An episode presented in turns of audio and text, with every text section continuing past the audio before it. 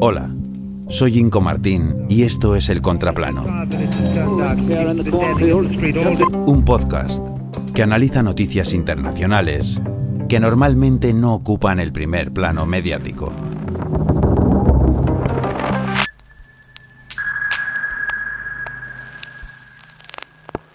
Ley C-11. Canadá.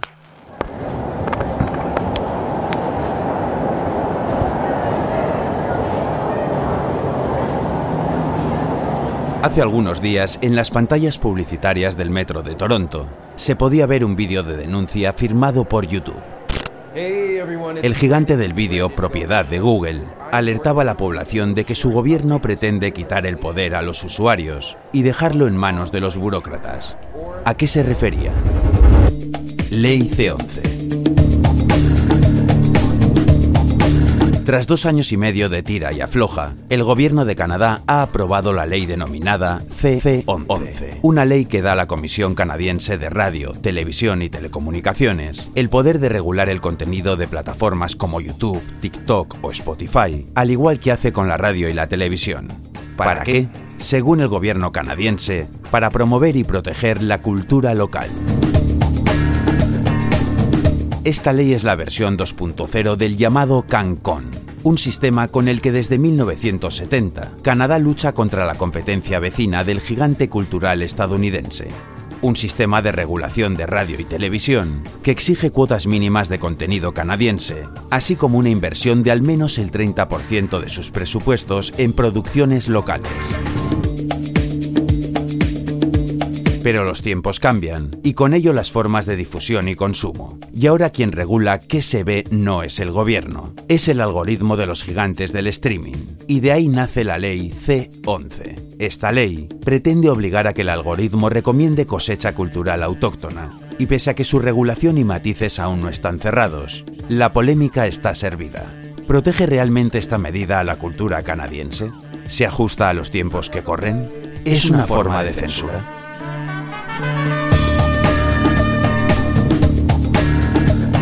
A la contra de la ley están las plataformas de streaming, a las que se suman asociaciones de creadores de contenido, con alegatos como que no se puede recomendar contenido según tu ubicación y no según tus intereses, a lo que añaden la pregunta de quién tiene la potestad de decidir qué se recomienda y qué no, y según qué parámetros. A esta lucha también se unen Michael Geist, experto en privacidad y leyes en Internet, quien considera que esta ley podría desembocar en limitar la libertad de expresión. También tenemos a la escritora Margaret Atwood, autora del cuento de la criada, la cual indica que los burócratas no pueden decir a los creadores que deben crear, no pueden decidir que es canadiense y que no, y compara la ley con la censura soviética. A favor de la ley, además del gobierno, tenemos entre otros al Sindicato de Guionistas Canadiense, el cual alega que esto hará que las plataformas inviertan en producciones canadienses. Neil McDougall, director ejecutivo del sindicato, dice, Ya es hora de que los principales servicios de transmisión que se benefician del mercado canadiense contribuyan a él.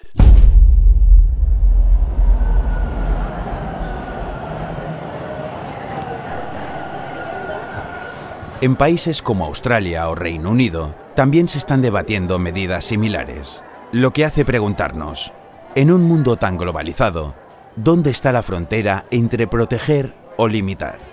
Entre recomendar u obligar. Al parecer en manos de gobiernos o multinacionales de la tecnología. Aunque siempre nos quedará el no dejarnos llevar por la comodidad de que nos lo den todo hecho, dedicarle unos segundos al asunto y clicar solo en base a nuestro propio criterio.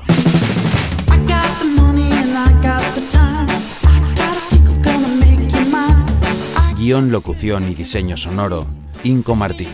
Música, Revolvo, Something I Shouldn't Have Had, Arcade Fire, Chemistry.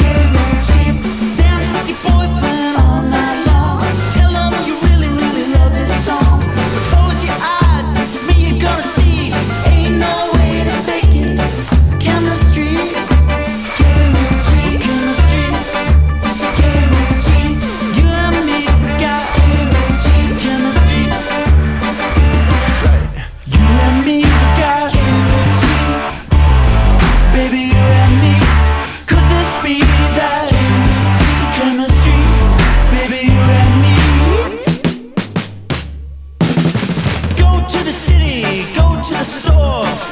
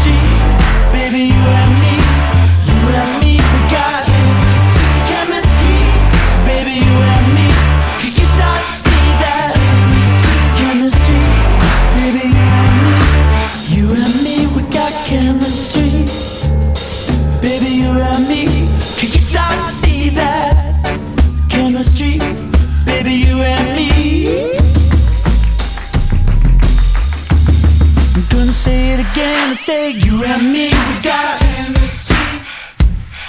Baby, you and me, could this be that chemistry? Baby, you and me, you and me, we got